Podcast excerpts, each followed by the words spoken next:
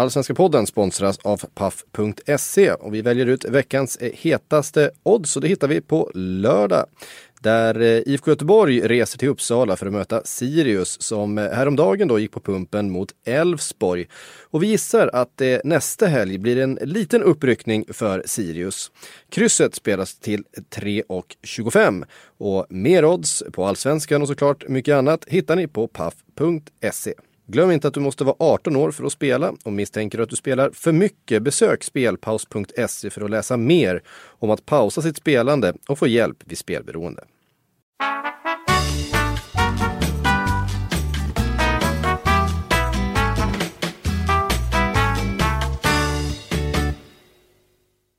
Hej och välkomna till Allsvenska podden som görs i samarbete med Robert Laul och Per Boman. Det är jag som är Laul och det är du som är Boman. Hej Per! Hej!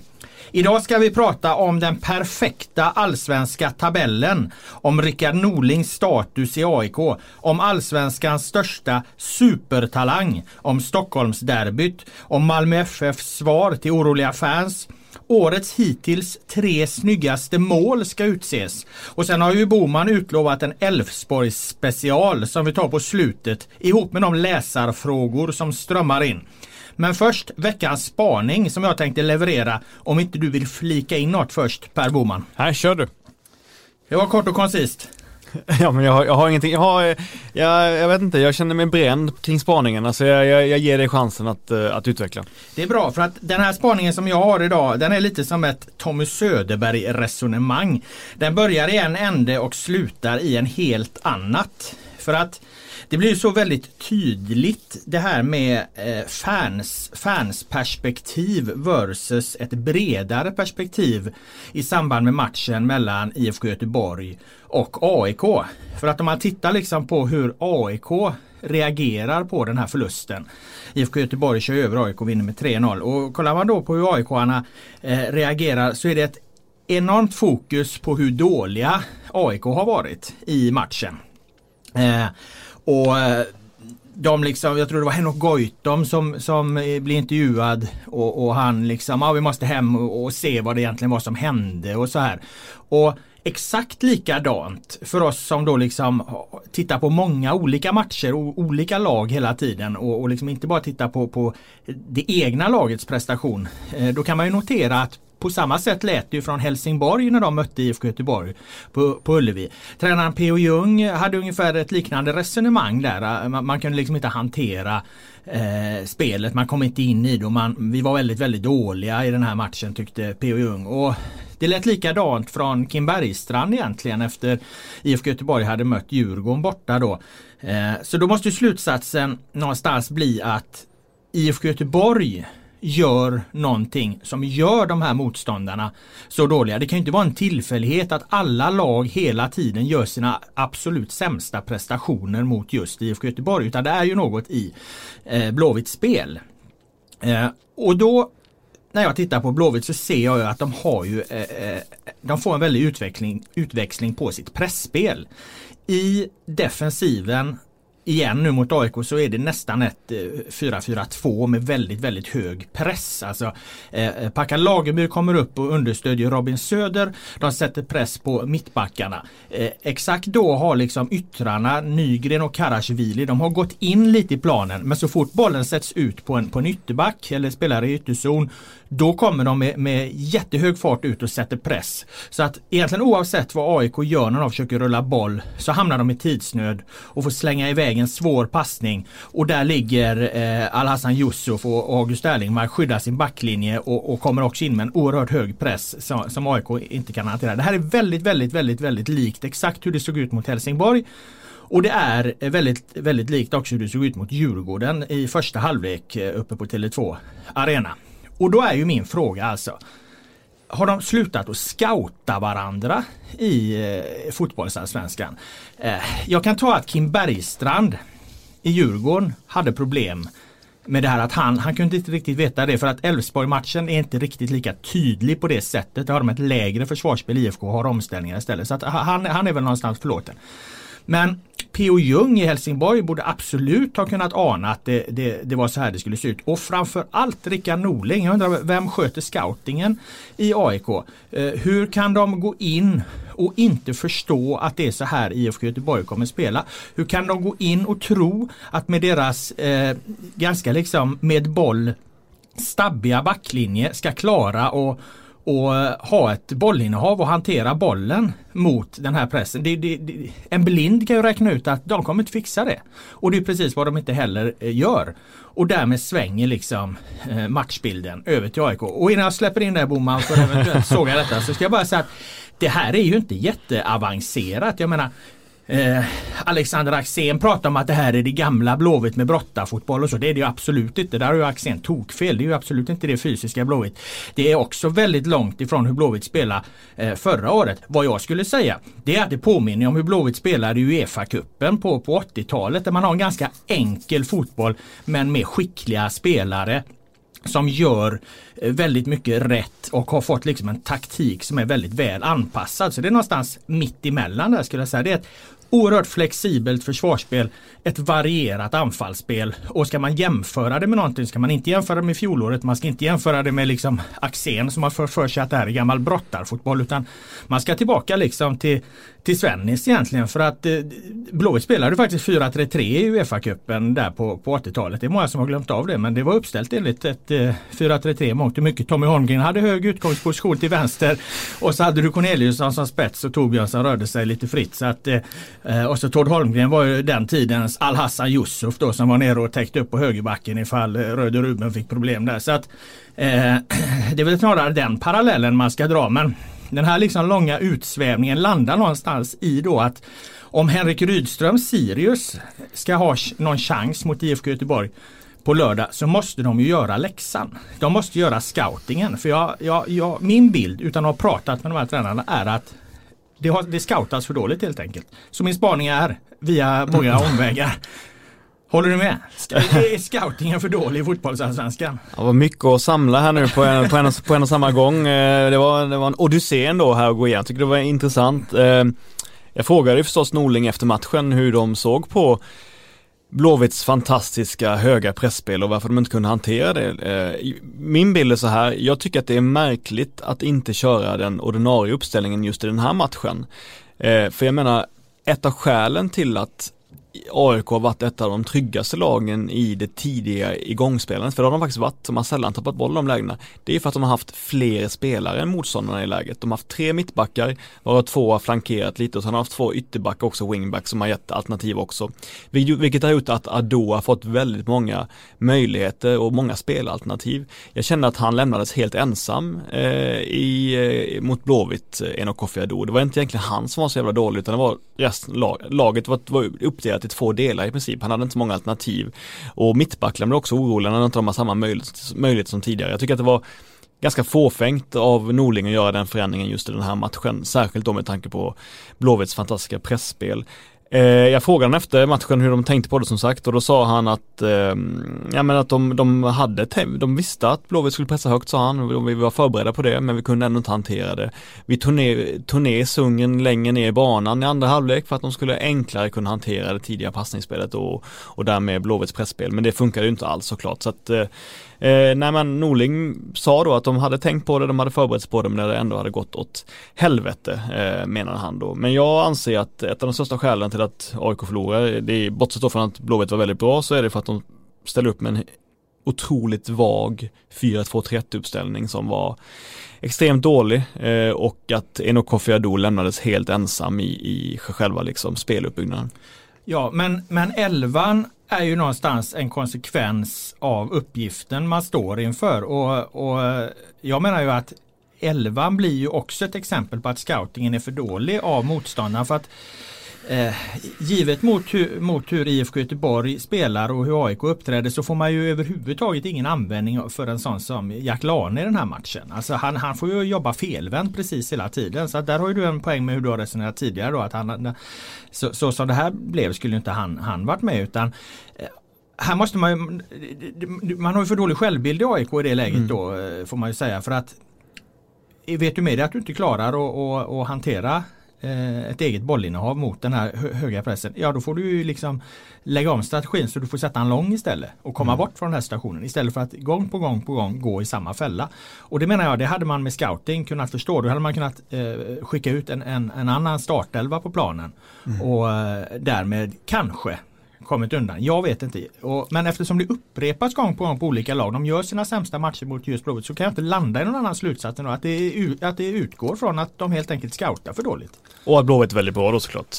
Men, ja, men, men, men, jag tänker att det fanns, det fanns vissa grejer som jag kan förstå. Alltså de sätter Rashidi och, och Lane som yttrar och skälet till det antar jag är för att de vet att Sebastian Olsson och Wernersson inte är så jävla bra defensivt liksom. Att de är överbelastade där, men om bollen mm. aldrig hamnar hos dem så blir de bara två stycken meningslösa spelare som hänger i luften. Det är det jag menar, då måste de ju sätta den långa dit ja, istället liksom och så kampa Men den, men den långa liksom. bollen var också av dålig kvalitet. Ja. Den långa bollen var bara en rensning, det var liksom ingenting som, som utan de kunde göra någonting med. Nej, eftersom de hamnar i tidsnöd på grund av Blåvitts ja. press och det borde man ju Men jag tror att de hade kunnat förutse. Exakt, men jag tror att de, jag tror att de hade, hade de kört en ordinarie fembackslinje, då tror jag att de hade kunnat tömma Blåvitts press på energi. För jag menar, Blåvitts press var otroligt bra, den är entusiastisk och jag är imponerad av den. Men ibland, emellanåt så är det faktiskt bara en snubbe som tokrusar mot en bollhållande spelare.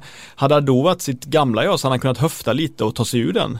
Eller så hade han kunnat kombinera snabbt med en mittback och bara spela sig ur den med två enkla passningar. Jag tycker inte de hade alternativet mot, eh, mot Blåvitt nu utan jag förstår inte varför de inte gav sig själva den möjligheten. För jag menar som sagt Blåvitts press var intressant och bra och aggressiv men den, den är ju också tokkör ibland snarare än, snarare än smart liksom. Även om den är smart också ibland, om du förstår vad jag menar. Så jag menar, hade de bara varit lite kallare så tror jag att de hade kunnat tömma den på lite energi. Men det gjorde de inte alls utan de blev ju stressade som ett pojklag genom hela matchen. Mm. Det var svagt som fan. Det som nu händer tror jag ändå är att eh, fler resonerar eh, ungefär så här liksom att, att man måste titta på vad är det IFK Göteborg egentligen gör. Jag är övertygad om att Henrik Rydström gör det.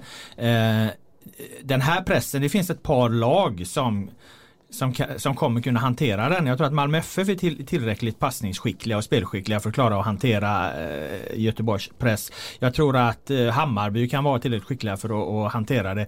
Eh, GIF Sundsvall kan möjligen vara, vara tillräckligt skickliga för att hantera det.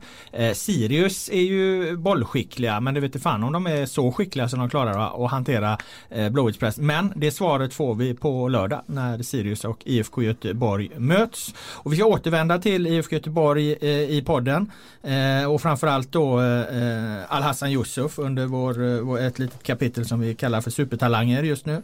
Men vi ska börja med det vi var inne och snuddade lite vid nu då för att det är ju eh, Rickard Norlings ställning i AIK. Han får ganska mycket kritik nu och du, kan, du har en lite bredare bild av, av eh, det här Boman. Liksom hur, hur är Norlings ställning i AIK egentligen? Det är många personer runt honom som lämnar och eh, han fick ju till exempel bara förlängt med ett år av, av eh, Björn Westerholm här när det var dags för kontraktsförlängning efter guldet. Nej men Rickard Norling har ju en stark ställning på ett sätt för att han har såklart vunnit SM-guld och har en total makt över den sportsliga utvecklingen av laget liksom och folk kan ju inte ifrågasätta den när det går väldigt bra. Nu går det ju sämre eh, då den här säsongen och då är det ju lätt att liksom peka på en en, ska vi kalla det, det har ju funnits en, ett, ett mönster av vad som har hänt senaste tiden. Det är ju att många viktiga ledare i närheten av A-laget har ju lämnat klubben.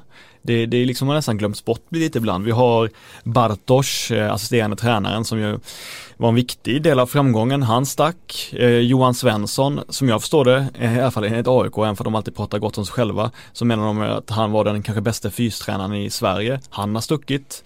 Peter Wennberg som var nära Norling för, för något år sedan, eh, jobbat som assisterande, han har också gått. Alla har gått till landslaget istället. Alla har lämnat till lite mer bekväma jobb i landslagsmiljön där man kanske kan jobba 9-5 och och har lite så att säga hälsosammare eh, arbets, så livsstil så att säga. Eh, för Norling, han är känd för att han eh, vill jobba alla dygnets timmar i princip och att eh, de är där 5-6 på morgonen, alla hans medhjälpare varje dag. Så jag får intrycket av att, att han kör ganska hårt med dem och det har även eh, Westrum liksom berättat att eh, det finns inget skäl till att vi ska bränna ut folk och då när han säger det så får man ju intrycket av att det har varit nära att hända liksom. Så att det, det är ett gäng liksom nyckelpersoner som har ändå lämnat Norling den senaste tiden och det kan man ju men han är ju en vandrande konfliktzon. Hela hans mm. tränarliv har ju varit en enda lång eh, konflikt. Jag menar eh, situationen på Västbanken är ju ingenting jämfört med liksom hur, hur det liksom sprakar runt Norling här i, i, alla klubbar han har varit i. Jag menar det var ett jävla liv i Malmö på kort tid. Trots att det går bra liksom så är det ständigt dessa återkommande konflikter. Och jag lägger mycket värde vid just det här att Westström bara förlängde ett år. Jag tycker att det är ovanligt. Jag tror egentligen inte att Westström vill ha kvar eh, Rickard Norling i, i AIK. Jag tror att han egentligen väntar på ett tillfälle då han faktiskt kan ge honom foten. Även om jag själv tycker att Norling bör få mer tid. Han har trots allt vunnit ett guld, det första AIK-guldet på, på tio år. Så att eh, eh,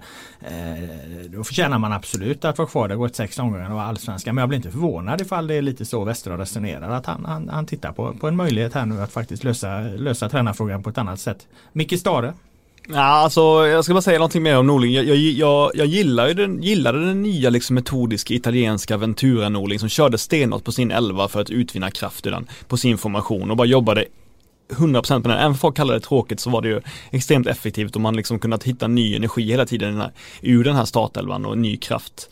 Därför liksom det är ju hårt sagt men jag förlorar. Men var inte den kraften ja. SM-guldet som liksom Jo exakt, men jag förstår inte varför man inte skulle kunna jobba vidare på det och jag förlorar nästan lite, lite respekt för honom när han håller på och börjar skifta runt nu av inget skäl. När han tvunget ska få in Lane i startelvan som har varit min käpphäst hela våren. Mm. Varför ska han tvunget få in honom? Det gjorde inte förra årets Norling. Han hade inga sådana liksom grejer för sig överhuvudtaget. Jag förstår inte varför han inte kan köra vidare på den. På den. Alltså visst. Men det kan jag förklara tror jag. Motståndarna har börjat läsa den, jag håller med. Men det är ändå bättre att, att spela 0-0 med 5-3-2 Men jag tror ändå situationen hade varit omöjlig utan att förändra. För att eh, eh folk och eh, förhållanden och så det förändras av resultaten. Och när det går, då går så dåligt eh, som det gjorde med det gamla Norling-sättet att spela, det sättet då han uppenbarligen helst vill spela på. Eh, då, hamnar, då hamnar man som fotbollstränare i en sån klubb mot den bakgrunden AIK befinner sig i en omöjlig situation. Man, man blir helt enkelt tvungen tror jag att, att prova något nytt, att, att göra något annat. Eh, och det kanske visar sig att de här matcherna blir en parentes. Och det här är vad, är vad, vad som behövde göras för att sen kunna gå tillbaka till det andra med en större trovärdighet och börja om där för då har man åtminstone prövat något nytt. Om man, om man hade eh, inte testat något annat utan bara eh, fortsatt och, köra vidare så, så hade, hade det också blivit eh, kunnat bli precis lika kritiserat. Utan att man, förstår du vad jag menar, man köper sig någonstans liksom en, en eh, tid och, och förtroende att gå tillbaka till det han helst vill göra. Du har i alla fall provat det här liksom. Då går det inte det argumentet på samma sätt att komma med. Du menar att han liksom har liksom dödat kritiken i förhand? Ja men lite så, lite så. Kanske, kanske, jag, jag förstår vad du menar men jag Men jag, jag trodde liksom att han stod över det numera. Jag trodde inte han brydde sig om sånt. Jag trodde att han hade gått bortom den sfären liksom i, i och med förra säsongen när han verkade helt eh, likgiltig inför folks tyckande och åsikter liksom. Så att jag, jag eh, Ja, jag förstår inte den här, jag förstår inte den här offensiva kantringen. Jag, jag, jag får intrycket att han, nu, han, han framstår ju som det han, jag skrev det i mitt tyck för matchen, han framstår ju som han gjorde där i sin först, förra session i AIK som huvudtränare.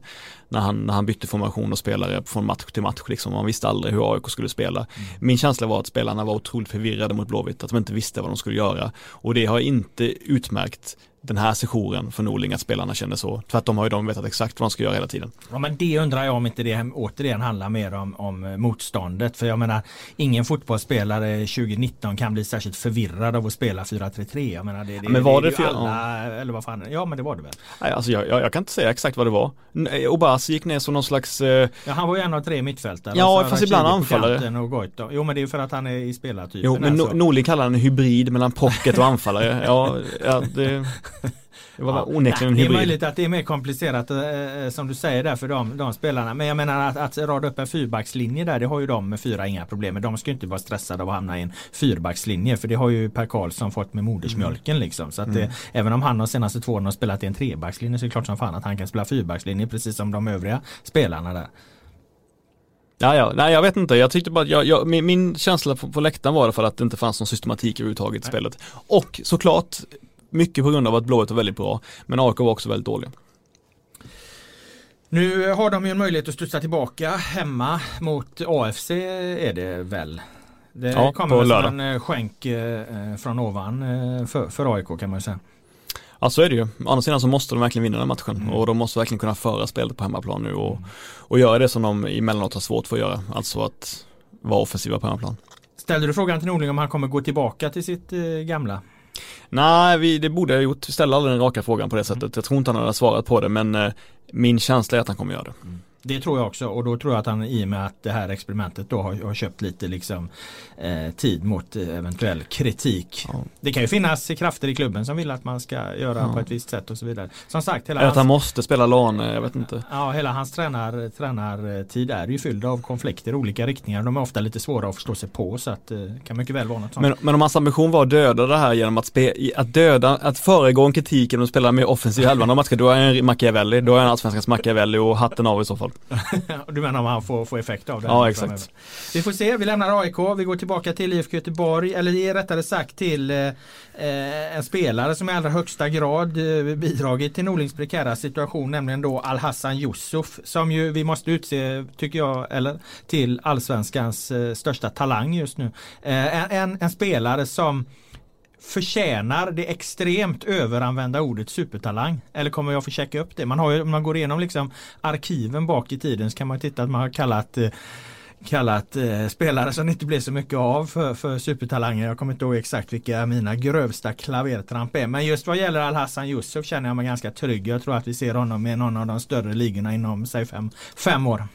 Ja, nej men det, jag satt på läktaren och och skrev den här texten och så tänkte jag, jag får inte kalla honom Kanté nu. Jag får inte kalla honom Kanté. Det är sån jävla klyscha om jag gör det. Snälla, skriv inte det nu Per, håll dig undan. Och jag var helt nöjd att jag inte gjorde det. Men nu ser jag att alla kallar honom Kanté eh, direkt nu överallt på alla ställen. Så att vad fan, vi kallar honom Kanté då för att det är väl det, som liknar honom. Alltså på det sättet, alltså jag måste säga att han tog exakt samma höghastighetslöpningar i 90 minuter som den första minuten. Jag förstår inte, hur fan kan en person orka så mycket? Va, va, va, eller hur? Jag har inte sett en kille Nej, med den nej, arbe- nej, arbetskapaciteten det- i Allsvenskan nej, på många år. Nej, nej, det, det, det, det är något unikt.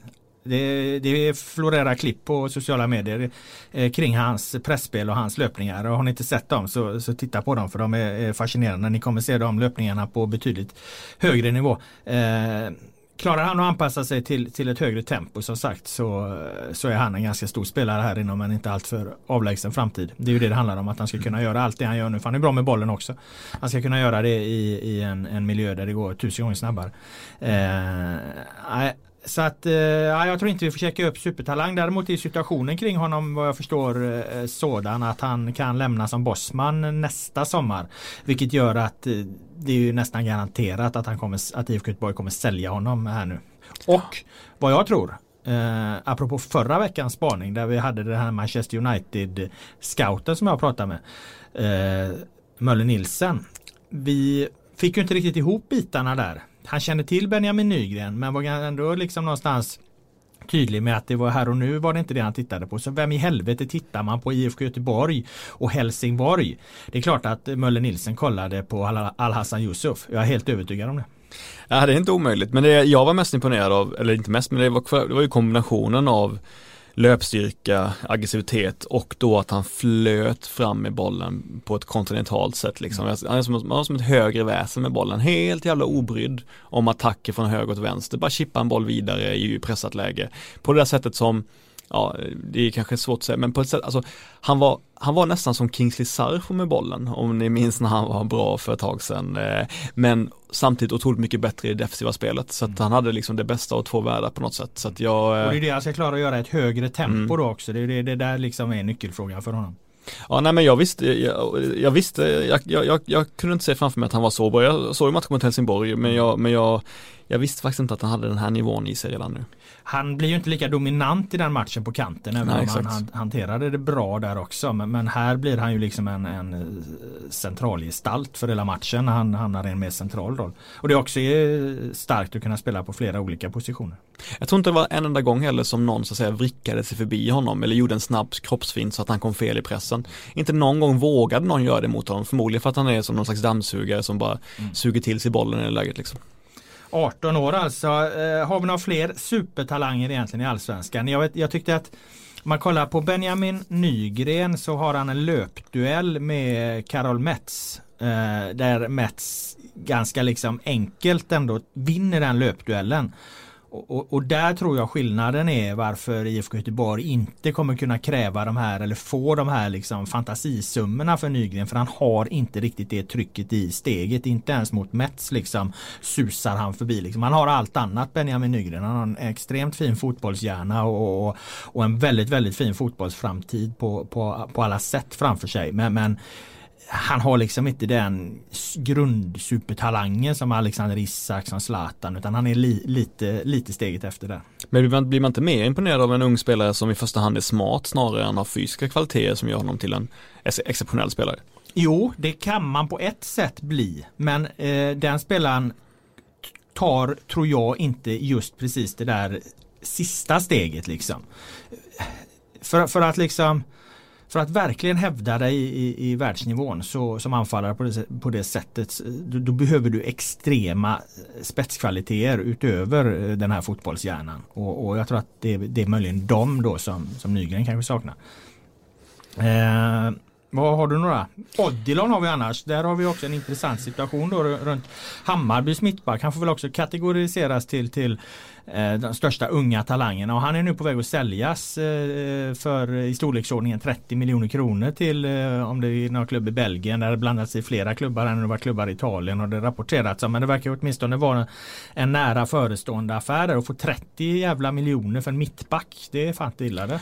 Jag kan tänka mig något annat än att än att folk har varit beredda på att lägga de pengarna redan i vintras. Mm. Men att Hammarby hade första king på, på Odilon av något skäl fick honom tidigare och redan då liksom, redan då visste alla att han skulle säljas liksom. För att jag menar han har varit, han har visat spetskvalitet i, i omgångar i kuppspelet och sådär.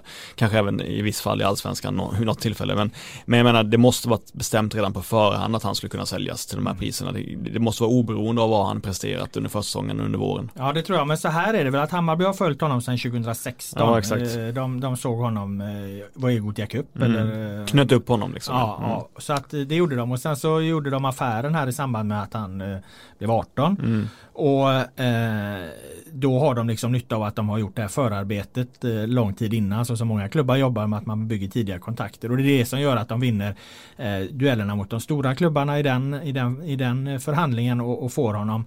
Eh, men sen är det klart att Jesper Jansson som är en erfaren rutinerad eh, sportchef med, med brett kontaktnät. Han vet ju att det här intresset finns runt omkring. Han vet att eh, kommer Odilon spela ett par matcher och visa att han klarar sig på allsvensk nivå så kommer intresset från, från andra klubbar eh, med, med, större plånböcker blossa upp ganska snabbt. Det tror jag man är fullständigt medveten om eh, i, i Hammarby och så att Odilon köp, om han nu köps då av de här större klubbarna köps ju inte på grund av vad han har Eh, levererat i allsvenskan på de matcherna. Det håller jag helt med om.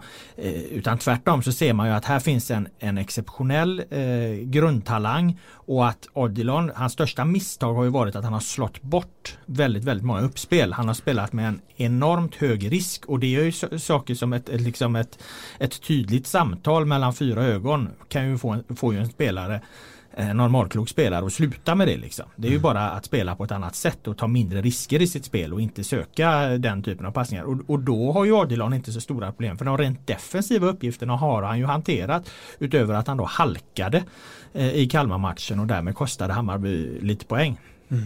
Ja, man, får ju ändå, man får ju intrycket av att, att, att eh, den säljande klubben som sålde eh, eh, Odlon till Hammarby liksom hade förbundit sig att göra det tidigt liksom. Mm.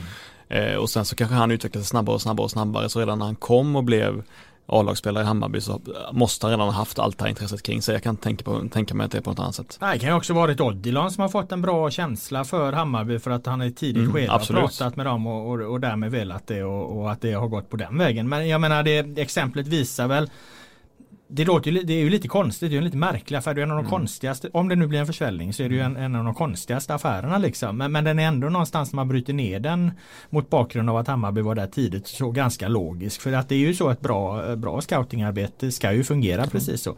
Du har en Manchester United scout eh, på på eh, Ullevi tidigt och jag menar den Manchester United-scouten kände ju till Benjamin Nygren till exempel för han hade sett honom vid något tidigare tillfällen och så, och så följer man det så liksom. Nej men Hammarby lyckades bli en mellanhand som kanske egentligen inte behövdes och det är ju imponerande ja, i sig, ja. så kan man säga. Ja, så är det ju. Eh, Alhassan Yusuf, Benjamin Nygren, Odilon Någon du vill flika in? Nej, jag ser här i, i körschemat att du hade med namnet Lana också, men han vill jag vänta lite med. Alltså, Mm. dels han är ju redan såld å andra sidan. Ja så- exakt, exakt. Så att, men, men, men, men jag menar, han, eh, han har ju inte visat så mycket än så länge i Allsvenskan. Han har visat så att säga, en instinktiv förmåga att hamna i farliga situationer och det är ju inte illa. Men han har också spelats på ett sätt där jag inte tycker att hans styrkor har kommit sig rätt. Nej, men han har ju också det du frågade om Nygren där. Är det Ja. inte bättre att ha det ena? Nej men han är ju köpt på sin snabbhet. Han, har ju, han är ju köpt för att han är så fruktansvärt snabb liksom. Sen har han en lite, han har en, en, vid, vid den här tidpunkten en klart svagare fotbollshjärna än, än Benjamin Nygren. Men, men i kronor och ören så värderas de här egenskaperna som som inte så jävla många har liksom högre. Så om, du, om vi satte ihop eh, Lanes snabbhet med Nygrens, eh, med Nygrens eh, fotbollsförståelse, Ja. då hade vi haft en otroligt bra spelare Ja, enkelt. då, det hade vi absolut haft. Då hade vi haft en eh, Då hade vi haft Alexander Isak kan man ju säga. Det är väl en jämförelse man kommer. Ingen annan du vill peta in där då? Nej, jag tycker inte det. Eh, då går vi över till eh, dagens tredje ämne som ju är Stockholmsderbyt. Eh, vi har ju haft årets första allsvenska Stockholmsderby mellan Hammarby och Djurgården. Hammarby vann med 2-1 och min rubrik eller överskrift då som en del fotbollstränare ibland säger på det här är att Hammarby visade att de är numret större än Djurgården. Håller du med? Jag tycker att det är att ta det ett steg för långt att redan nu slå fast det. Däremot tycker jag att Hammarby var väldigt bra i matchen eh, och, eh, och sådär, eh, verkligen. Men jag tycker att man inte redan nu kan säga att de kommer bli bättre än Djurgården den här säsongen. Men du får gärna förklara varför du, varför du tycker så. Här har du liksom Eh, ett lag som på ett helt annat sätt när liksom det blir bra motstånd och, och saker ställs på sin spets kan bedriva ett, ett, ett eget spel på motståndarens planhalva. Man, man har liksom eh, spelare med individuella egenskaper som Tankovic som kan, kan slå ut sin motståndare eh, i väldigt, väldigt farliga lägen. Man, man har liksom, man har en, en en anfallsmetodik när Fenger slår en stenhård passning upp på Imad Khalili som kommer in från sin högerkant. Hela Djurgården stirrar sig blinda på Kjartansson och, och Djurgic löper i djupled, får bollen perfekt. Alltså, och, och man vet mot bakgrunden att det är precis så här Hammarby vill, vill spela. Eh, bilden jag bygger på när jag säger att, att de är numret större är att jag ser inte det här som enskildheter utan jag ser det här som det här saker som Hammarby kommer göra om gång på gång på gång på gång i den här serien. Medan alltså, jag ser inte samma saker hos Djurgården i den här matchen. Men vi har ju varit positiva till Hammarby hela våren med all rätt, trots att resultaten inte har varit så positiva hela tiden. Eller så bra. Eh, Men det är ju lite orättvist också mot Lagerlöf och Bergstrand redan nu säger det, för de har ju faktiskt varit där mycket kortare tid än Billborn. Ja, ja. Billborn har fått väldigt mycket längre tid här på sig att mot Nej jag vet inte, jag vet inte om kritik, men jag menar bara att man får, jag tycker man får ge dem en hel vår Djurgården innan man Absolut. kan säga det. Men, men jag menar bara att om jag får ställa lite frågor till dig om, om matchen. Mm. Eh, Jeppe Andersen, hur viktig var hans eh, fulhet i den här matchen och hans sätt att ta tag i eh, händelserna? Ja, det är ju han och, Nikola Djurdjic eh, som kliver in. Eh, de är ju De spelar ju på gränsen hela tiden. Och det är det som gör att jag gillar det här derbyt just för, för att det small lite som det gjorde förr i världen. Eh, det gör ju inte, inte alltid det på konstgräs men, men det här var liksom en match där duellspelet var väldigt avgörande. Och där Hammarby var klart bättre i duellspelet och där Jeppe Andersson är eh, central tillsammans med Nikola Djurdjic som ju dessutom identifierar det här eh, i, i tv-intervjun innan han säger att det vi gjorde fel mot Malmö andra halvlek var att vi vek ner oss igen mot den duellerna. Det ska vi inte göra nu. Sen drar han på sig den tröjan, kliver ut, vinner varenda duell och några till. Eh, Jeppe Andersson gör ungefär samma sak. Ja men Bank skrev ju att Djurdjic spelar som en supporter och i det här fallet så måste man ju verkligen säga att det är, att det är en bra formulering. Hur dålig var Astrid Adarevic? Jag tror att eh, om det blir så här som det blev nu när han kliver ner väldigt mycket när det inte riktigt fungerar. Jag vet om man kan göra jämförelsen med, med landslaget där en gång i tiden när när, när Zlatan inte riktigt tyckte att det fungerade. Då blir han liksom frustrerad, kliver ner från sin anfallsroll, eh, hämtar bollen av mittfältarna vid mittcirkeln ungefär och, och ja, ungefär vill passa sig själv liksom eh, längst fram. Bara att han är inte kvar framför målet. Han är inte kvar där han gör mest nytta. Det här var en ganska lång det här var en diskussion som höll på ganska länge i landslaget liksom och Hamrén föll till föga till slut och satte ner honom i någon nummer 10-roll som inte riktigt funkade. Men jag menar Zlatan Ibrahimovic ska givetvis i vissa situationer kliva ner för att bryta spelmönster men hans utgångsposition ska ju alltid vara så nära mål som möjligt för det är han gör som mest, mest nytta. Astrid Ajarevic kan absolut kliva ner ibland för att bryta mönster och hämta boll där Karlström och Ulvestad redan står. Men han gör det ju hela tiden. Och, och, och då är han ju inte kvar i den yta där han kan vara ännu farligare. Så att det, dels försvinner han från en yta där han behövs och han hamnar i en yta där han inte behövs. Och jag vet inte hur de interna diskussionerna ser ut när, när Lagerlöf och Bergstrand ska säga till honom att du ska inte göra sådär liksom. Ajdarevic kan vara ganska ska vi säga, kantig i den typen av diskussioner. Han vill nog göra lite som han vill. Han vill liksom ner där och slå den här svepande bollen. Eh, det är möjligt att det där, det där kan bli ett problem om man inte hanterar det på, på Eh, på rätt sätt. Alltså utgångspunkten är ju inte att det ska vara ett problem. Det ska vara en tillgång. Man ska kunna hitta liksom ett sätt att, att lösa det på ett bra sätt för att Ajdarevic har ju fantastiska egenskaper. Men vi pratade om Katja Niklic i förra mm. gången att det är en värvning som kan bli lite problem kring och, och det kan ju också bli det kring Ajdarevic om man inte, om man inte hittar en tydlighet och en bra kommunikation. Här handlar det om tränarna att ha en bra kommunika kommunikation med Astrid. Har två saker jag vill fråga dig ja. till om. Första är ju att Djurgården så tydligt anpassade sig till Hammarby, hur de formerade sitt lag när de, när de stoppade in Jonathan, Jonathan Augustinsson som slags defensiv ytter. Jag antar att det bara handlade om att stoppa Simon Sandbergs framfart, eller? Jag vet inte, vad var tanken med det? Ja, eh, hela den eh, grejen blev ju Mom deserves the best, and there's no better place to shop for Mother's Day than Whole Foods Market. They're your destination for unbeatable savings, from premium gifts to show-stopping flowers and irresistible desserts. Start by saving 33% with Prime on all body care and candles. Then get a 15-stem bunch of tulips for just $9.99 each with Prime. Round out Mom's menu with festive rosé, irresistible berry chantilly cake, and more special treats. Come celebrate Mother's Day at Whole Foods Market. Det blev ju liksom en, en ingång i den här matchen som var lite defensiv från, från mm. Djurgårdens sida. Och eh, jag tolkade nog kanske mer än att stoppa Eh, Sandberg, det är klart att det handlar om, om det också men, men eh, man vet att, eh, att eh, Elliot Check där bakom inte är, har sina styrkor i, i defensiven så man vill sta, sta, eh, stödja honom, eh, staga upp honom.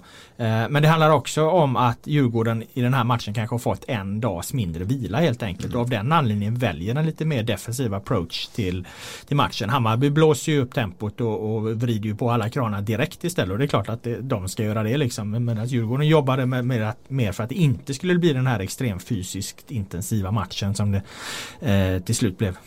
Eh, en annan grej som jag tyckte är intressant, jag menar vi har inte hyllat Buya Turay så mycket trots att han har gjort en hel del mål man tycker att han är svag i spelet och att han saknar spelförståelse i vissa delar. Men jag måste säga att jag tycker att han gör ganska mycket. För att, för att vara så isolerad som han är där uppe mm. ändå så tycker jag att han tar ganska bra löpningar.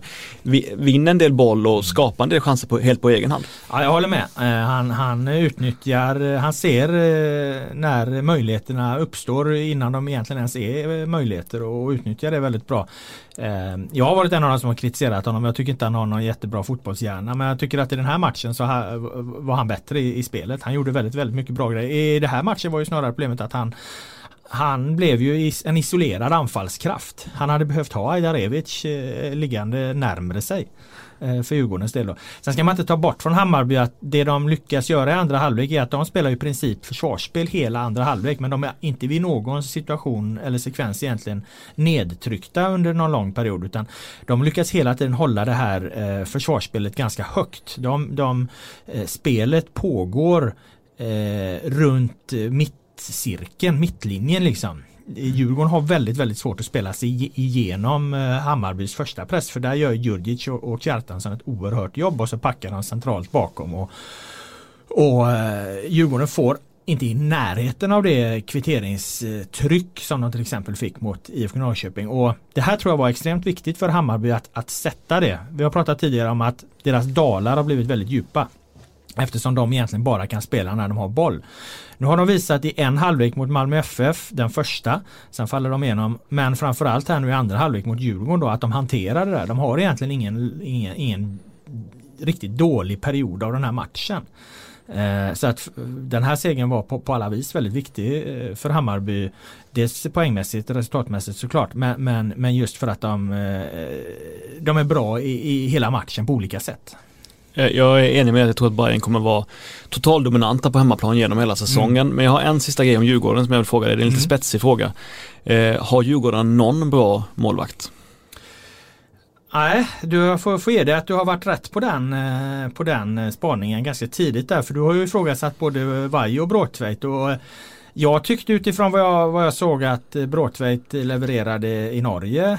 Och, och ja, hur jag såg honom i, i cupmatcherna och så här, att han, att han såg ganska fin ut. Men han får ju ta på sig det andra målet, Hammarbys segermål, den här frisparken från Bojanic. Det finns ju tre, han kan egentligen ta beslut tre gånger och komma ut där men, men, men blir kvar på linjen varje gång. Liksom. Så den rinner ju rakt igenom framför honom väldigt nära. Visst det är svårt på de, de bollarna som sveper så. Det är någon liten touch och det är bra slaget av Bojanic och så men, men en, en, en riktigt bra målvakt kommer ut där. Definitivt. Eh, jag ska slänga över en fråga till dig där då. Ja. Vi pratade om Katja Niklic eh, mm. hade det som rubrik till och med om han redan är en, en fiaskovärvning. Mm. Eh, lite hårt kanske men eh, det är klart att det är ju precis som du beskrev det. När Iman Khalili ligger till höger och kommer in i planen så bra som han gjorde vid till exempel Hammarbys första mål. Då är han ju faktiskt överlägsen Kacaniklic. Han är ju inte en bättre fotbollsspelare. Han har inte högre toppar. Men han eh, är en mycket bättre rollspelare i Billborns bygge och så som Hammarby vill spela. Jag tror inte när Kacaniklic kommer tillbaka att han petar Khalili. Han får nog vara på bänken och han, han, eh, hans konkurrenskraft är ju egentligen starkare på vänstersidan men han slår aldrig ut Tankovic heller. Så att det är ju möjligen om de jag vet inte om de säljer Tankovic i sommar eller så att då, då har man ju väldigt bra ersättare i Kacaniklic men, men eh, jag ser helt enkelt inte att han platsar i Hammarby just nu. Nej jag håller med, jag håller med. Jag har en sista grej, jag säger, det är mitt vanligaste jag säger, jag har en sista grej, men jag har en sista grej om eh, Hammarby. Det är Simon Sandberg. Alla är otroligt förtjusta i hur han stormar fram på hög, högkanten. Han bereds utrymme där när Kalili och de andra går inåt och jag tycker också att han är fantastiskt bra på att tajma sina löpningar framåt. Men jag har en sak som jag ändå vill säga om honom, det är att förra året gjorde han bara två eller tre assist. Mm. I år har han gjort något, något, några assist som var bra, men han har bara, han har tror bara gjort ett mål under hela sin eh, karriär, någonting allsvensk karriär. För att vara en högerback som i princip är högytter och alltså kommer fram i fina lägen 6-7 gånger per match så måste han få ännu bättre inspel. Eh, han, alltså sett till hur offensiv han är, sett till hur bra han är så borde han ha 7-8 assist och 3-4 mål per säsong tycker jag. Men han saknar fortfarande någonting av det lilla extra i, den, i de avgörande ögonblicken och det är ju någonting som jag tycker han ska jobba på för han är ju en av allsvenskans bästa högerbackar. Men jag menar om man säger att Jonathan Tamimi gjorde 8 assist för Sundsvall förra året mm. och han kommer inte fram alls lika mycket på sin kant som, som Samba gjorde så, så finns det någonting att jobba på där med tanke på att han har den autostradan att löpa fram på. Du får inget medhåll i kritik vad gäller Simon Sandberg för pojken är från Partille och, och i kommun kritiserar vi varandra inte. Så att eh, den får du stå för själv den kritiken tills vidare. Eh, vi rullar över till nästa ämne och eh, det var ju en minst sagt eh, händelserik allsvensk omgång sett till vilka matcher det var. För vi hade ju ett, eh, ett potentiellt eh, toppmöte också även om det inte riktigt ser ut så i tabellen ännu. Men eh, IFK Norrköping, eh, Malmö FF. Nu slutade den matchen 1-1 och eh, var väl en lite smålam eh, tillställning kanske. Eh, jag tror också att det hade med, med att det var tredje matchen på en vecka, att det, det, finns en aspekt av det. Men jag tycker att man fick ett tydligt svar i den här matchen. Jag ska se om du håller med om min teori här. Och det är att Malmö FF, det har ju varit väldigt, väldigt mycket snack om att de är, har ett felbalanserat lag, att de har svagheter i defensiven. Eh, och så vidare och de spelar som de gör med liksom en trebackslinje med egentligen bara en spelare med uttalat eh, defensivt eh, fokus, det vill säga Rasmus Bengtsson. Men jag tycker Malmö har samlat ihop nu efter sex omgångar eh, till att vi, vi, vi liksom kan säga att de har inga defensiva problem heller. Nej, de har, om de har defensivt problem så är det om Rasmus Bengtsson blir skadad. Jag mm. tror en del av kritiken har varit att det har funnits en alldeles för dålig bredd på just backpositionen i jämförelse med, eller på just mittbackspositionen i jämförelse med andra delar, lagdelar. Och den tycker jag fortfarande stämmer. Men jag håller med om att men vi har ju varit ganska positiva till, ändå, i alla fall här i podden, till mm. att det har funkat bra med Bengtsson, Lewicki och Larsson. Ja, absolut. Men jag tänker på fansen i Malmö absolut. så är de ju oroliga för det här liksom. Ja. Och, och... Men jag ser, jag ser liksom inget skäl till att Safari eller Nilsen skulle peta varken Larsen eller eh, Leviken när de är helt redo igen? Eh, eller vad säger du? Tycker du att de går in nej, där? Nej, jag, jag, jag har ju jag liksom inte Jag har liksom inte kommit, jag har inte drivit frågan om att Malmö har en dålig defensiv egentligen utan jag har mer liksom bara ja, men, eh, nickat instämmande när folk har påstått det och kanske egentligen inte tänkt så mycket på det men, men de senaste matcherna har jag tittat på det och det blir väldigt slående just mot IFK Norrköping för IFK Norrköping är ju är bra på eh, hemmaplan. Mm. De har väldigt mycket boll särskilt i, i andra halvlek och där får Malmö FF verkligen jobba försvarsspel på, mm. på det här snabba konstgräset och Eh, IFK Norrköping skapar inte en målchans. Jag tror inte de har en enda målchans i andra halvlek. Medan Malmö är ganska giftiga i, mm. i, sina omställningar och förtjänar ju någonstans, eller förtjänar och förtjänar, men de är ju närmre segern. En bättre första touch på Antonsson när han kommer in så, så, är, så är det mål och det är också intressant att man vilar både Antonsson och, och, och Rosenberg den här matchen då spelar med Molins och, och Berget. Berget eh, måste man ju säga tycker jag är bättre när han får vara på kanten. Tycker han inte riktigt eh, eh passar som anfallare just nu. Men i alla fall. Eh, eh, nej, så att här, här, här är det väl dags att sätta ner foten helt enkelt och, och bara konstatera att Malmö FF har en alldeles utmärkt eh, välfungerande de defensiv som eh, många lag kommer ha väldigt svårt att och då på. Eh, målet som blir i den här matchen, eller målen, de kommer ju liksom i ett, alltså båda målen är inom loppet av fem minuter. Båda försvaren är ganska passiva. Mm. Eh, vid båda avsluten så, så får Molins nicka och framförallt Rex får sätta inlägget helt ostört och sen när Totte Nyman kvitterar så, så är Malmös backlinje inte riktigt vaken. Och ingenting av det här ser man ju upprepas senare i matchen så det kan man ju helt enkelt lägga åt sidan och konstatera att det, de var inte riktigt vakna. Nej, jag håller med dig, jag tycker att Malmö såg väldigt bra ut och även Peking stabiliserade sig i jämförelse med många andra matcher den här säsongen så att äh, även de tycker jag man får se var ett fall framåt. Det var ett bra resultat för båda lagen i, i grunden. Ja, eller ett, ett resultat som de i alla fall inte behöver vara så jävla missnöjda med. Nej, jag har en sak att säga också om Malmö som jag tycker är viktig och, ändå föra fram och det är ju Sören Rex då.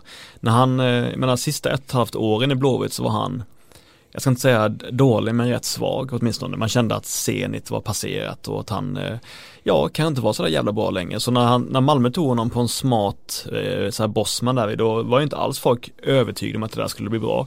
Så att det måste man ju säga nu att den gratisvärvningen är en av de bästa ett av de bästa kapen som något allsvenskt lag har gjort de senaste åren. Sett till vad han, vad man fått ut från honom i den här offensiva wingback-rollen eh, i Malmö. Han har ju faktiskt varit väldigt bra nu under en och en halv säsong och öst in poäng och ser ju helt eh, han ser så jävla het ut också nu vid alla avslutslägen och det är intressant för Uwe Rösler har ju, har ju tryckt extremt mycket på att eh, vilket föredöme Sören är som stannar kvar efter varje träning och övar sina Henri-skruvade skott i 10-15 minuter. Att han tycker att, att nu får han liksom, eh, nu får han eh, betalt för det, allt är mm. slitet. Så att, eh, ja, jag vill bara säga det helt enkelt att det, Sören har varit en supervärvning. Mm. Eh, och jag tycker att de borde kunna utnyttja eh, berget på eh, andra sidan och mm. nå en ännu högre nivå. Det är möjligt att, att liksom den defensiva balansen blir för påverkad då, men jag tror att berget fixar det i, i allsvenskan. I just den här matchen mot IFK Norrköping skulle jag säga att eh, Oskar Lewicki och Tröjstason snarare är de spelarna i Malmö FF som sticker ut. Mm. Medan eh, Jens Gustafsson är den som sticker ut i IFK Norrköping för han var fruktansvärt aktiv. Mm. Eh, jag menar det var ju mycket folk och det var bra tryck på publiken men han hörs rakt in i tv-sändningen flera gånger när han skriker och han liksom springer fram och tillbaka. Där. Jag hade sett han så. Han vill väl visa att han är engagerad. Ja, mm. ja och jag tror också att, eh, att han vill ha upp tempot. Mm. Eh, det brukar vi säga om Malmö FF för att det är en del, del i deras spelidé. Eh, men borta på ett konstgräs mot IFK Norrköping var det lite ombytta roller. Där var det Malmö som hade ett litet intresse av att, att, dra ner tempot snarare med, mm. jämfört med Norrköping som ville ha upp det. Mm. Nej men eh, jag, nej men jag, jag, tror också att det är liksom, ibland tror jag att han har fått ett rykte om sig att vara lite teknokratisk liksom och jag vet inte lugn och försynt så att jag tror också att det är viktigt att visa att han, mm. att han verkligen brinner för det när det går lite sämre. Det här oavgjorda resultatet då kan man i alla fall säga i kombination med alla andra resultat förstås från eh, omgång 6 har ju gett oss något som skulle kunna sammanfattas i den perfekta allsvenska tabellen. Jag vet att du är emot eh, personer och framförallt journalister som bygger varumärke genom att att, att tycka att allsvenskan är en fantastisk serie. Men Per Boman, handen på hjärtat, eh, pistolen mot tinningen. När allsvenskan ser ut så här med, med så många lag med närhet till toppet, toppen och det liksom de känslorna lever på alla håll och kanter och, och eh, vi egentligen inte riktigt kan räkna bort alls särskilt många lag ännu från en, en potentiell toppstrid. Ja, det är, klart, är väl allsvenskan fantastiskt? Ja det är klart att det är jättekul, fantastiskt ja. kul. Ja, jag, jag, alltså jag, det, det, det säger jag inte emot, jag tycker, jag tycker det är fint. Men jag måste säga att jag, när, jag såg, när, jag, när jag kollade på tabellen igår kväll och när jag ser att Östersund från ingenstans har 11 poäng och har delat serien, då är det nästan för mycket för mig liksom. Då är det nästan som att jag mår lite illa, jag har svårt att, jag, eh, saker och ting förlorar konturer på något sätt. Jag, jag, blir, jag, blir, jag blir förvirrad och stressad av det, för att jag vet ju att Östersund har plockat poäng och sådär. Mm. Men att de ska ligga delad serieledning, det, det blir liksom svårt att ta in. Men nu går väl tåget ändå? Nu går tåget ja. Man brukar säga att eh, tabell sätter sig eh, runt 10 tionde omgången. Så att de här av, omgångarna närmsta här nu, de avgör vilka som åker med. Vilka åker med? eh, ja, bra fråga. Eller drar Malmö ifrån? Jag tror Malmö drar ifrån ja. Mm. Jag tror Malmö har minst eh, sex poängs serieledning när vi går in i sommaruppehåll. Då, eh, det tror inte jag. Jag tror att eh, Malmö kommer absolut dra iväg från många andra lag men jag tror inte att de eh, kör ifrån eh, Hammarby och Häcken i första taget.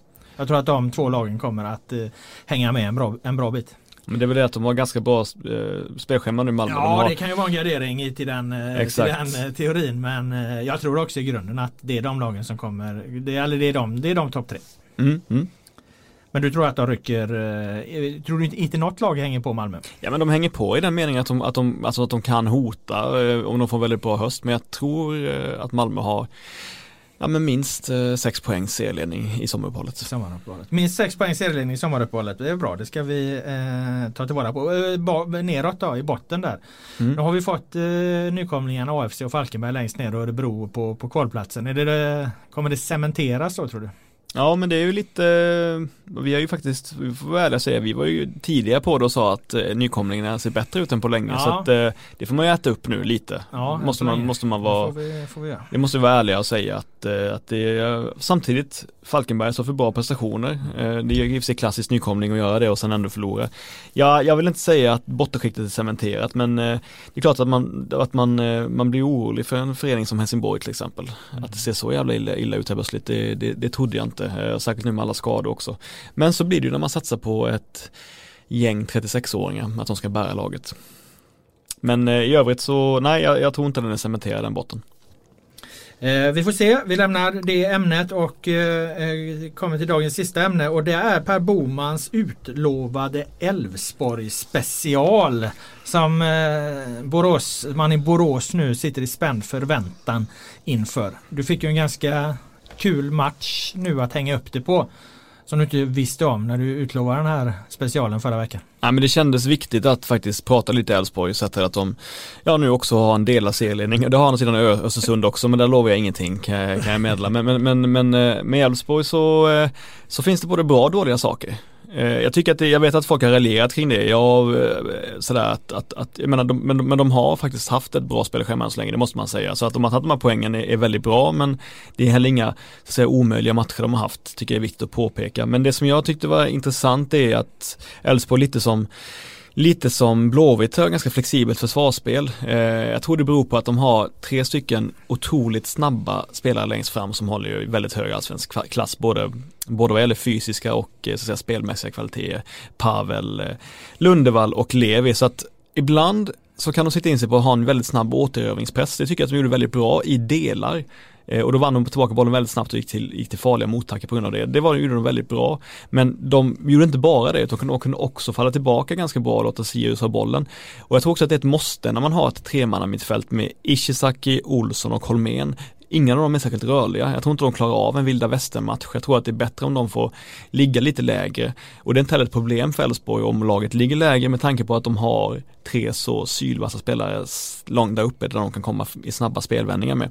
Så att jag tycker att det är ganska klokt uppsatt lag av, av Thelin eh, som jag var ganska imponerad av. Ishi, jag menar 45 år gammal och ändå så otroligt fin på alla, i alla små rörelser. Han gör det, eh, han gör det, han gör det bra, han gör det bra och enkelt hela tiden. Det är små, små grejer som han, han behöver inte göra några extravaganta finter, han behöver inte se så showig ut, så ändå så tar han sig alltid förbi motståndaren på ren timing och det är jag väldigt imponerad att han fortfarande har i sig. Simon Olsson är jag inte helt övertygad om än, jag tycker fortfarande han är en del eh, slarv i sig och Samuel Holmén, eh, jag vet inte riktigt hur man ska säga om honom. Han, eh, han har ju inte den kraften i spelet längre som han hade tidigare. Han har verkligen inte det. Samtidigt så är han ändå någon som alltid, alltid tar sig in i, i offensivt straffområde när, Elfsborg går på motstacken. Så det vill jag ge honom, det var också imponerad av. Men så här, jag tror att det är bra att de ligger ganska lågt med laget för jag tycker fortfarande att backlinjen är lite av en svaghet även om jag vet att många Elfsborg-supportrar är nöjda med den. Jag, jag ser fortfarande att att ytterbackarna, jag vet att, så här, Simon Strand har ju spelat istället för Rami Kaib eh, på vänsterbacken. och Jag antar att han gör det för att han är bättre defensivt. Jag vet att han stängde ner Hossam Aiesh och jag vet att han är där framförallt för att vara defensiv. Där ser det okej okay ut. På den andra, på högerbacken tycker jag inte det ser lika stabilt ut och även för Gregersen är någon slags ork som vinner det mesta i luften och i duellspelet så, så är jag fortfarande inte helt övertygad om, om mittbacksparet heller. Därför tror jag att det är bra att de har ett ganska lågt samlat lag i hög utsträckning så att det inte det blir så utdraget och så för många jobbiga situationer att ta hand om. Så eh, jag tycker att eh, Jimmy Tillin har varit pragmatisk. Jag tycker att de har fått extremt bra utväxling av sina offensiva spelare, vilket inte är orimligt för de har tre stycken spelare som är topp 5 klass i allsvenskan. Eh, däremot är det ju bra att få ut så mycket av dem. Jag menar Jesper Arvidsson han såg ju, det såg hemskt ut när Jonathan Levi trampade förbi honom vid, vid ett av målen. Ehm, men, eh, och den tredje, en annan, sista grej som jag tycker är väldigt imponerande med Elfsborg, det är att Pavel Cibicki så tydligt inte imponerar någonting. Han är, märker man om man lyssnar på när han pratar med honom efter matcherna eller när han uttalar sig så är han aldrig riktigt nöjd med någonting alls. Han är ju bara Ah, det var väl inget särskilt liksom, vi kör vidare och vi har, vi har inga Men därför Thelin gillar han så mycket Ja men jag, men jag tror bara att han har liksom skapat en mentalitet av laget, att inte vara så jävla nöjda och inte så bekväma. Jag tror att han, det låter banalt och kanske klyschigt säga det, men jag tror att hans malmöitiska dryghet har varit viktig för att få upp en lite hårdare kärna i det här laget. Så det var väl det jag har att säga om Elfsborg. Imponerande. Ja, och en imponerande utläggning som jag tror att eh, Elfsborgsfansen är mycket nöjda med. Jag ska flika in eh, några korta saker för jag såg också matchen mot eh, Sirius. Och vad gäller försvarsspelet där så alltså, titta på hur Holst tror jag det framförallt mm. agerar på Sirius tidiga mål där när bollen går i stolpen. Han är ju han är två sekunder efter i beslutsfattningen in när när Elfsborg, eller Siriusanfallaren stöter in den bollen i mål. Det kunde blivit jobbigt för dem. Nu, nu löste de det ändå men, men alltså det är klart att det finns brister i, i, i det där försvarsspelet precis som du påpekar. Mot Sirius Sirius kan ju vara ganska enkla att spela mot. Man vet att eh, Henrik Rydström han avskyr, föraktar eh, inlägg. Så att eh, packa laget hyfsat centralt så, så eh, är det ganska lugnt. Särskilt när de lämnar Filip Haglund utanför startelvan. Det kan ju bero på det här tajta matchandet som vi har eh, varit inne på tidigare. Och den tredje reflektionen jag gör, för jag ger mig inte in så djupt att analysera för det har jag redan gjort. Men det är ju alltså Det är ju årets hittills näst häftigaste mål mm. i allsvenskan mm. som Pavel Sibicki gör. Ja. Alltså det är 30 meter ungefär. Han ser målvakten långt ut och han sätter dit den. Det är nummer två på min lista i de tre snyggaste målen hittills. Om vi, om vi bara stannar lite vid tvåan då ja. än så länge med. Så gör ju bara en spelare som är totalt trygg i sig själv och mm. läget. Alltså jag tror att han, jag vet att han älskar Jimmy Tillin och jag måste säga att det var jävligt smart av Elfsborg att lyckas binda tillbaka honom till, till, till, till Jimmy där vi och få in honom i Elfsborg för det är, som, som läget är just nu så är han det bästa värvningen tycker jag under, under våren. Mm. Berätta om dina, eh, ditt bästa mål då.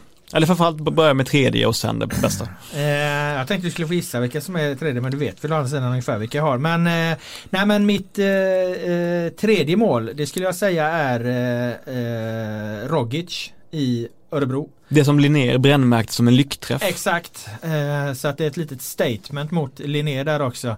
Hans insats mot IFK Göteborg har vi överhuvudtaget nämnt här. Den, det var den svagaste insatsen jag har sett Oskar Linnér göra någonsin. Men det är en helt annan diskussion.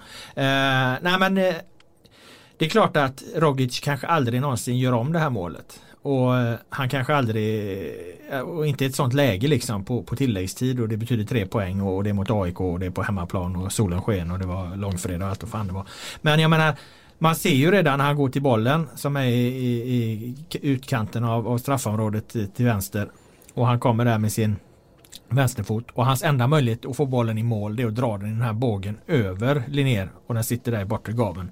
Det är så oerhört snyggt eh, utfört. Ja, det är en luftig träff. Ja exakt, det är en sån där mål som man liksom i många herrans år aldrig såg i allsvenskan utan bara såg när Jan Lorentzon hade något internationellt målsvep eh, på 90-talet liksom när de visar från italienska eller någon annan liga. Eh, nu ser man en sån där pärla i allsvenskan och ändå är den bara på tredje plats. Eh, tvåa som sagt eh, Shibiki som ser att eh, målvakten är långt ut och, och har precisionen och, och, och hänga dit den från 30 meter. Etta tycker jag är, är Tankovic mot eh, Malmö FF. Mm. Eh, det är eh, en fantastisk crossboll av Jeppe Andersson. Det är en eh, nedtagning och det är ett avslut direkt på det. En nedtagning i hög fart en, en, på en långboll så. Två tillslag mål. Eh, du jämförde det, eller om det var jag, med eh, Messis mål mot eh, eh Nigeria det var, mm. för Argentina i fotbolls-VM 2018. jag vet inte vem, vem, vem, vems av målen som var bäst där men, men det är liknande mål. Är det ett statement av dig att välja ett mål med många så att säga små funktionella tekniska kvaliteter eller stora funktionella tekniska kvaliteter där det är flera moment snarare än ett långskott eller en... Ja, jag eh, gillar ju den typen av mål. Jag är också ganska svag faktiskt för, eh, nu kommer inte det med på min topp tre-lista, men ganska svag för eh, IFK Göteborgs 1-0 mål mot eh, Helsingborg. Där man spelar sig ur en svår situation eh, i egen, på egen planhalva från pressande Helsingborg. Eh, Benjamin Nygren kommer in väldigt långt från sin kantroll, tar emot, vänder upp. Högerback Olsson på utsidan. Ett par tillslag, snabbt passning in i straffområdet. Lasse Vibe tar emot med vänstern, skjuter med höger i bortre hörnet. Alltså det, är, det är klart att när du, när du bara ser liksom Olssons passning och eh, Vibes mottagningsskott i mål. Då ser inte det där jävla målet så märkvärdigt ut. Du vill ha längre sammandrag, ett långt sammandrag med en bra berättarröst. Då har du fått hela den här bakgrunden, upprinnelsen till det på ett helt annat sätt och då, då växer ju målen. Eh, jag utsåg ett mål som Malmö FF gjorde till det snyggaste här för några år sedan innan jag var reste bort till USA, jag kommer inte ihåg vilka de mötte men det var, det var många olika passningar, många olika moment, moment. Jag tror Emil Forsberg var inblandad i och Halsti och några till liksom. Ett klack-klack, undrar om det var Djurgården de, de rullade upp på, på, på stadion där liksom. Själva avslutet inte så mär, märkvärdigt men jag tycker att de snyggaste målen blir alltid något sånt här kanonskott eller volley eller någonting så. Visst det, det, det, det är det väl men, men jag kanske mer ute efter de mest, jag kanske, min lista kanske egentligen borde vara de mest avancerade målen, jag vet inte. Mm. Ja, jag tycker det låter jätteintressant. Har du inga egna förslag? Nej jag har suttit, jag har suttit och funderat men jag blev så, jag blev så, jag blev svaret skyldig nu för att när vi pratade om att det var vulgärt med långskott så fick jag stryka Paulinhos frispark och sådär så att jag, eh, nej men jag, jag återkommer till nästa vecka med, med ett förslag. Ja okej, okay. Eh, då har du utlovat det. Ehm, då har vi bara ett par läsarfrågor kvar här och, och de har ju regnat in och eh, en är eh, hur är intresset för IFK Göteborg nu? Ökar det? Det anspelade på något jag sa eh, för ett tag sedan om att det inte var så stort intresse för IFK Göteborg medialt. Och jag kollade faktiskt upp det här och eh, ja, tittar man liksom på det jobbet du Per Boman gjorde efter matchen igår och era artiklar så eh, åtta av tio läsare jag vet inte varför jag avslöjar de exakta klicksiffrorna här. Det kan ju kanske vara känsligt. Men 8 av 10 läsare väljer ju artikeln om AIK eh, jämfört med mot två av tio då som väljer om IFK Göteborg. Alltså så, så stor är skillnaden mellan i, i, i klicknivåer. Alltså så mycket mer drar alltså AIK. Och det leder oss in på en annan läsarfråga som vi har fått här och den är direkt riktad till dig Per Boman. Hur kan du påstå att AIK är storebror till IFK Göteborg som du då gjorde i, i förra podden? Ja, det har tyngt mig under de senaste dagarna faktiskt. Jag fick ju eh, jag fick många positiva mejl när jag tog upp det här med sammandragen. Eh, då kände jag mig glad. Eh, jag fick ännu fler negativa mejl nu än efter den här saken. Jag vill försöka nyansera det här då. Jag, jag uttryckte mig slarvigt eh, och då, då förstår jag att det kan komma kritik men jag ska försöka förklara hur jag menade. Eh, det var ganska oprecist, men jag är förstås införstådd med att IFK Göteborg tillsammans med Malmö är de två mest historiska, eller historiskt sett mest framgångsrika föreningar i Sverige. Det är ju en självklarhet, det ska man inte ens behöva säga. Så jag anser ju inte att AIK är en större klubb än Blåvitt.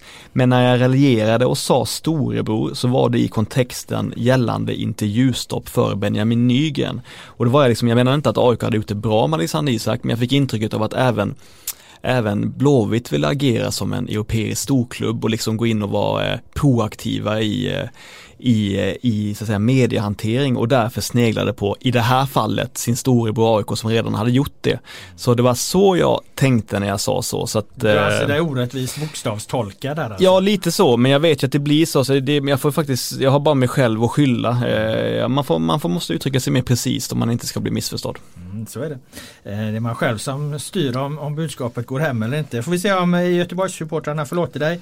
Eh, vi hade ju ett Stockholmsderby som sagt. Det var två eh, tifon och eh, det har vi fått eh, lite reaktioner på. Och eh, där måste jag säga att jag tycker att tifoverksamheten i allsvenskan, de här tifona man ser särskilt i stormatcherna då, att det har liksom ah, det har stått och stampat lite senaste, vad ska vi säga, eh, tio åren. Jag menar om man, om man kollar på Djurgården i derbyt så ser det tifo, det kunde du se för 10 år sedan, det kunde du se för 20 år sedan, så ungefär likadant ut.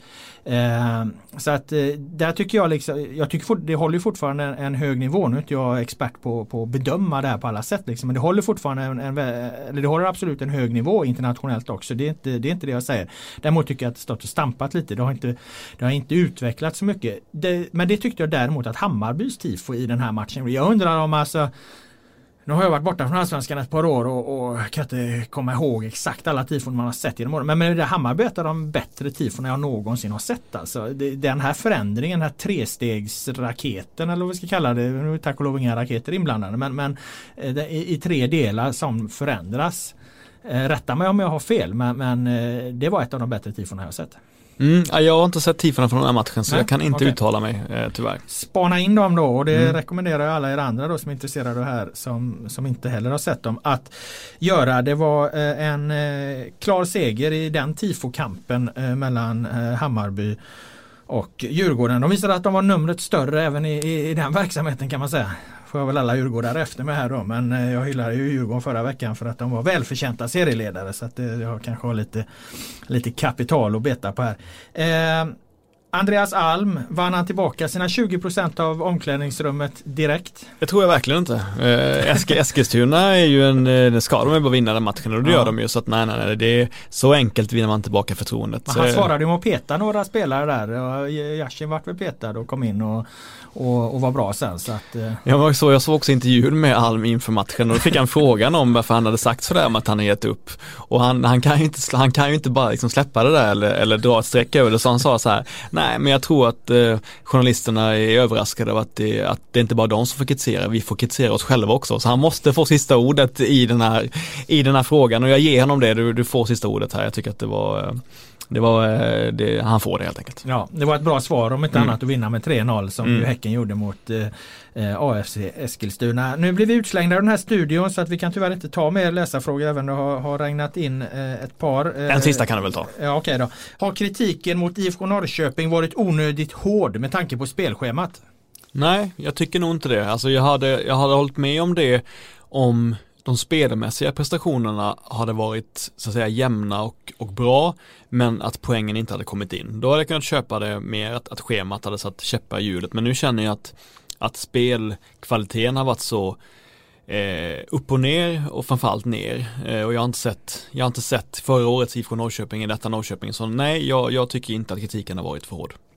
Det får bli de sista orden från dig Per Boman. Tack så mycket för att du var med med kloka synpunkter. Och tack så mycket alla ni som har lyssnat. Allsvenska podden är tillbaka nästa vecka.